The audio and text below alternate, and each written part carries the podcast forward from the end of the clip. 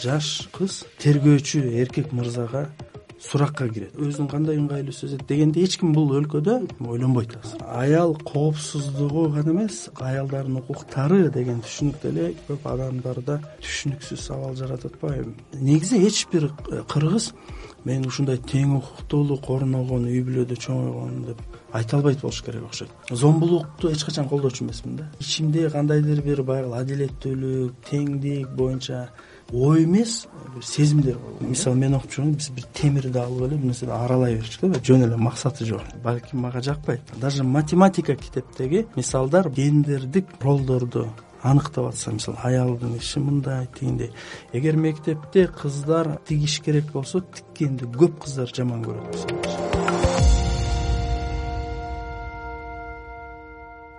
кыргызстанда эки миң жыйырманчы жылдын жарымында эле аялдарга карата эки миңден ашуун зомбулук фактысы катталды бул былтыркы жылга салыштырмалуу алтымыш беш пайызга көп экенин ички иштер министрлиги расмий кабарлады.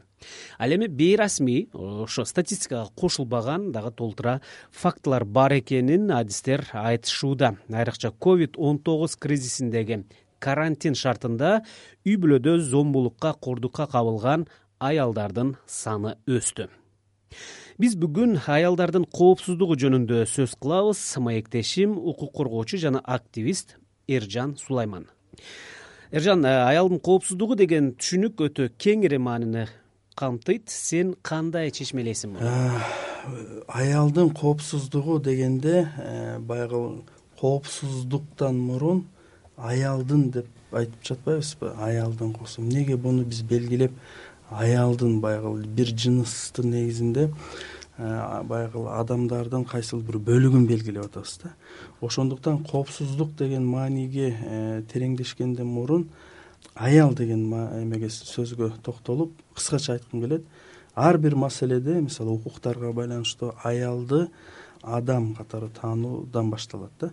Ошондуктан аялдын коопсуздугу дегенде аялды бир мисалы эркектерди тейлөө үчүн жаралган бир жандык эмес. Же кандайдыр бир э, эркектер э, гана ойлоп тапкан э, бир эрежелерге баш ийип жашай турган кызмат кыла турган бир эме эмес жандык эмес аял адам. Эркек сыяктуу эле кичинекей бала сыяктуу эле майыптуулугу бар адам сыяктуу эле улуту ар кайсы адам сыяктуу эле аял кишини адам катары караш керек. Анан аялдын Э, коопсуздугу дегенде бул элементардуу түшүнүш керек да. Аялдын коопсуздугу бул адамдын коопсуздугу депчи гендердик өзгөчөлүктөргө байланыштуу адамдар ойлоп тапкан эрежелер бүгүнкү кыргыз коомунун аялдарын канчалык коопсуз кыла алат. Мисалы кыз киши. Мына кыргызстанда мына күнүгө маалымат чыгып атат. Э, зордуктап зордуктады сабады дегенчи. Мисалы зордукталган э, бойго жете элек мисалы жаш кыз тергөөчү эркек мырзага суракка кирет мисалычы психологиялык колдоого муктаж да. Жапа чеккен жабыр тарткан мисалы кыз киши анан кантип мырза эмеге тергөөчүгө сурак берет. А суракта деталдар болот. Ал тигини сурайт муну сурайт. Анан ошо кандай шарт түзүлөт өзүн кандай ыңгайлуу сезет дегенди эч ким бул өлкөдө кыргызстанда эч ким ойлонбойт азыр мисалычы мен билгенче казакстанда э, ошол атайын ушундай учурларда э, аял тергөөчүлөр аял прокурорлор тергейт деген эме киргизишкен да демек бүгүнкү күндө укук коргоо органдары күч органдары аялдардын коопсуздугун камсыздоого курамдык жактан даяр эмес дегенди түшүндүрөбү бул? Ошол жабыр тарткан киши булар акыйкаттуу мыйзамдуу чечип менин коопсуздугумду камсыз кылып берет деп ишениши үчүн э, ошондой э, мисалы келген кишилердин арасында аял киши болуш керек алардын арасында этникалык көптөлдүүлүк болуш керек. Ошол эле америкалык э, кинолорду батыштын кинолорунда көрүп атабыз го. Баягы милицияга түшкөндөн кийин чалгандан кийин сөзсүз түрдө баягы эки келген милиция кызматкеринин бирөөсү аял бир аял киши эркек киши. Себеби шартка жараша аял киши баягы диалогко кирип сүйлөшүп келет же эркек киши. Ушул жерде мен эскерте кетейин. Менин колумда айкын багыт коомдук фонду зомбулукка туш болгон аялдарга укуктук маалыматтарды жайылтуу максатында иштеп чыккан карточкалар турат. Анын негизинде кыскача аудио кеңеш жасаган элем азыр ошону уктуруп анан уланталы. Зомбулукка кабылган учурда милицияга кантип кайрылуу керек? Зомбулук фактысы жөнүндө баардык билгениңизди кабарлаңыз. Убактысын жерин жагдайын зордукчунун аты жөнүн. Эгер сиз бир аз эле маалымат билсеңиз ал коркунучтуу эмес. Жетишпеген маалыматтарды милиция өз алдынча тактап алат. Андан ары эмне болот? Сиздин чалууну каттап зордукчуга коргоо өрдерин берүү үчүн негиздер жетиштүү экендигин текшере башташат. Кайсы мыйзамдарга таянууга болот? Эгерде милиция сиздин билдирүүнү кабыл алуудан баш тартса кылмыштардын жана жосундардын бирдиктүү реестр жөнүндө жобого ылайык алар кабыл алууга милдеттүү экендигин айтыңыз. Ошондой эле үй бүлөдөгү зомбулуктан коргоо жана сактоо жөнүндө мыйзам бар экендигин билдириңиз. Ушул мыйзамга ылайык зордукчуга коргоо ордери берилиши керек. Сиздин чакырууңуз менен ички иштер министрлигинин өкүлү келгенден кийин ага эмнени айтуу керек? Эмне болгонун айтып бериңиз. Аларга көрсөтүлгөн зомбулуктун башка учурлары тууралуу айтыңыз зомбулуктун күбөлөрү болгонун эстеңиз жана сиздин маалыматты тастыктоо үчүн алар жөнүндө маалымат бериңиз. Эгер сиз же таанышыңыз үй бүлөлүк зомбулукка кабылса сиз дароо милицияга чала аласыз. Мыйзам боюнча үй бүлөдөгү зомбулук жөнүндө кылмыш жөнүндө маалыматы бар ар бир адам билдире алат. Кантип чалуу керек? Каалаган телефондон жүз эки номерин териңиз. Чалуу дайыма акысыз. Күнөөкөрдү жоопкерчиликке тартуу тууралуу өтүнүч менен арыз жазыңыз сиздин арызды каттагандан кийин соттук медициналык экспертизага жолдомо сураңыз. Эсиңизден чыгарбаңыз. Мыйзам сиз тарапта. Эскертмени айкын багыт коомдук фонду коопсуз үй маалымат өнөктүгүнүн алкагында юсаидтин жигердүү жарандар долбоорунун колдоосу аркылуу азаттык менен бирге иштеп чыкты. Биз улантабыз. Аты жөнүм санжар эралиев маектешим укук коргоочу жарандык активист эржан сулайман эржан э, коопсуздук деген жалпы түшүнүктөн аялдын коопсуздугу деген теманы өзүнчө бөлүп кароо деле биздин коомдо. Аялдарга карата кыз келиндерге карата зомбулук темасынын актуалдуулугу бышып жеткенин көрсөтүп турат десем болобу? Аял коопсуздугу гана эмес аял укук аялдардын укуктары деген түшүнүк деле э, көп адамдарда түшүнүксүз абал жаратып атпайбы эмнеге аял укуктары депчи баягы адам укуктарынан тышкары аялдардын укуктары жөнүндө көп кеп айтылат.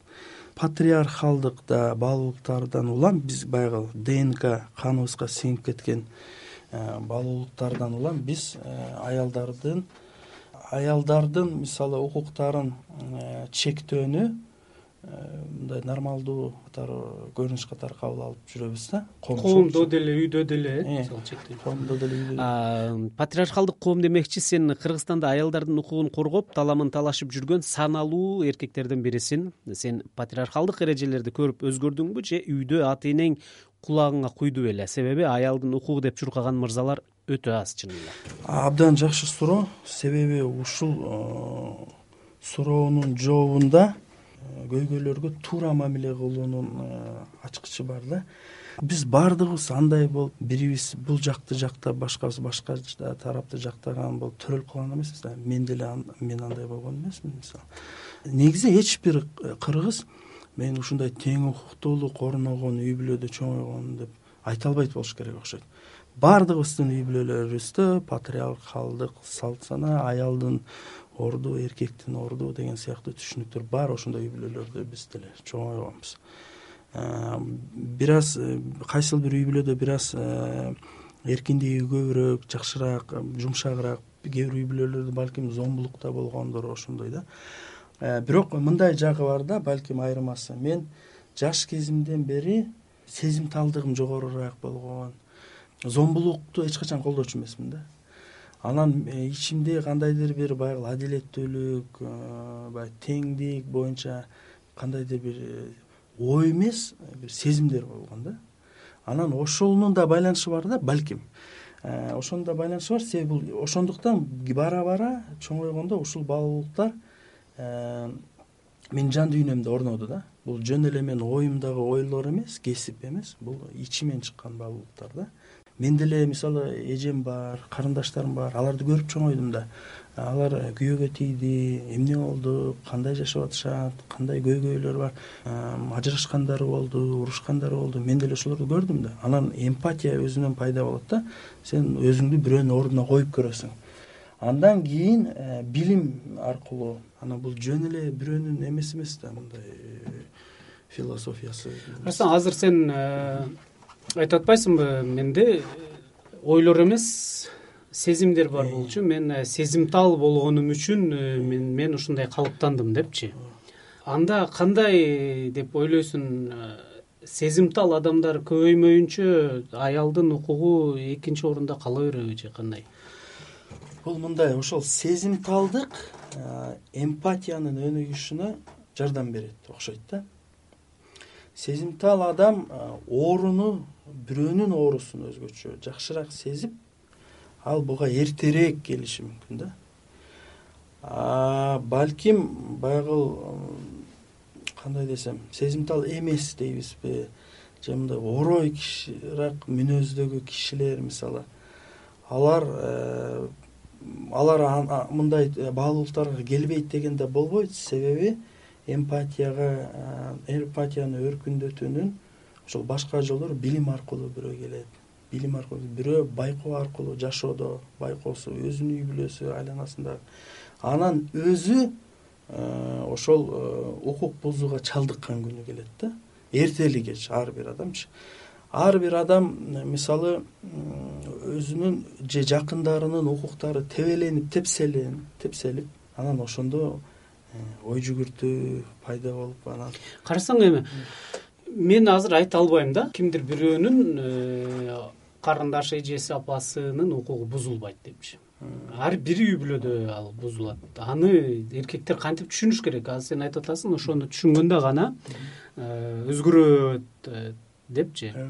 аны кантип түшүнүш керек башкалар? Вот ошону түшүндүрүү үчүн мен да ойлоном да мамлекеттин биз билим берүү системасы канчалык алсыз жаман дегенибиз менен баары бир мисалы кыргызстанды алсак бала бакча мектеп университет деген үч институт алсыз болгон күндө эле абдан күчтүү да.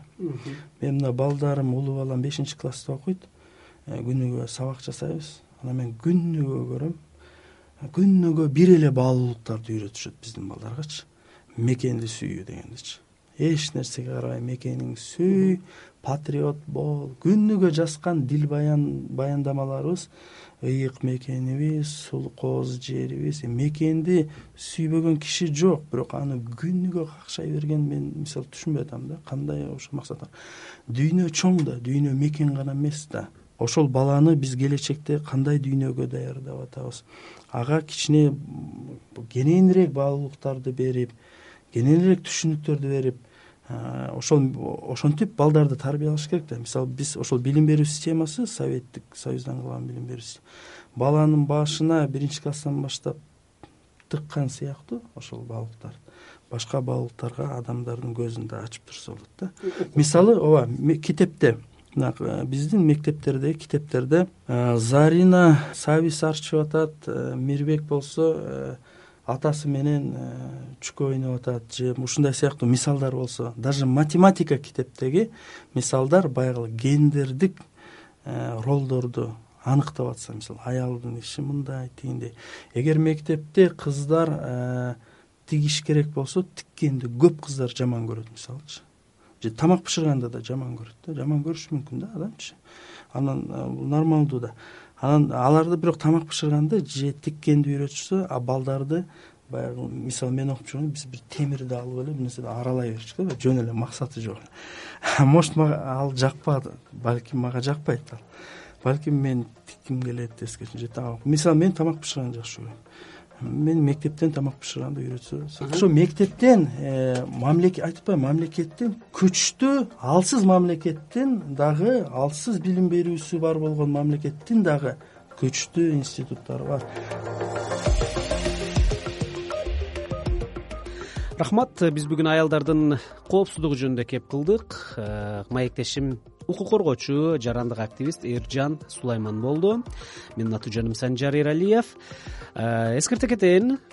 Мыйзам зомбулукка каршы.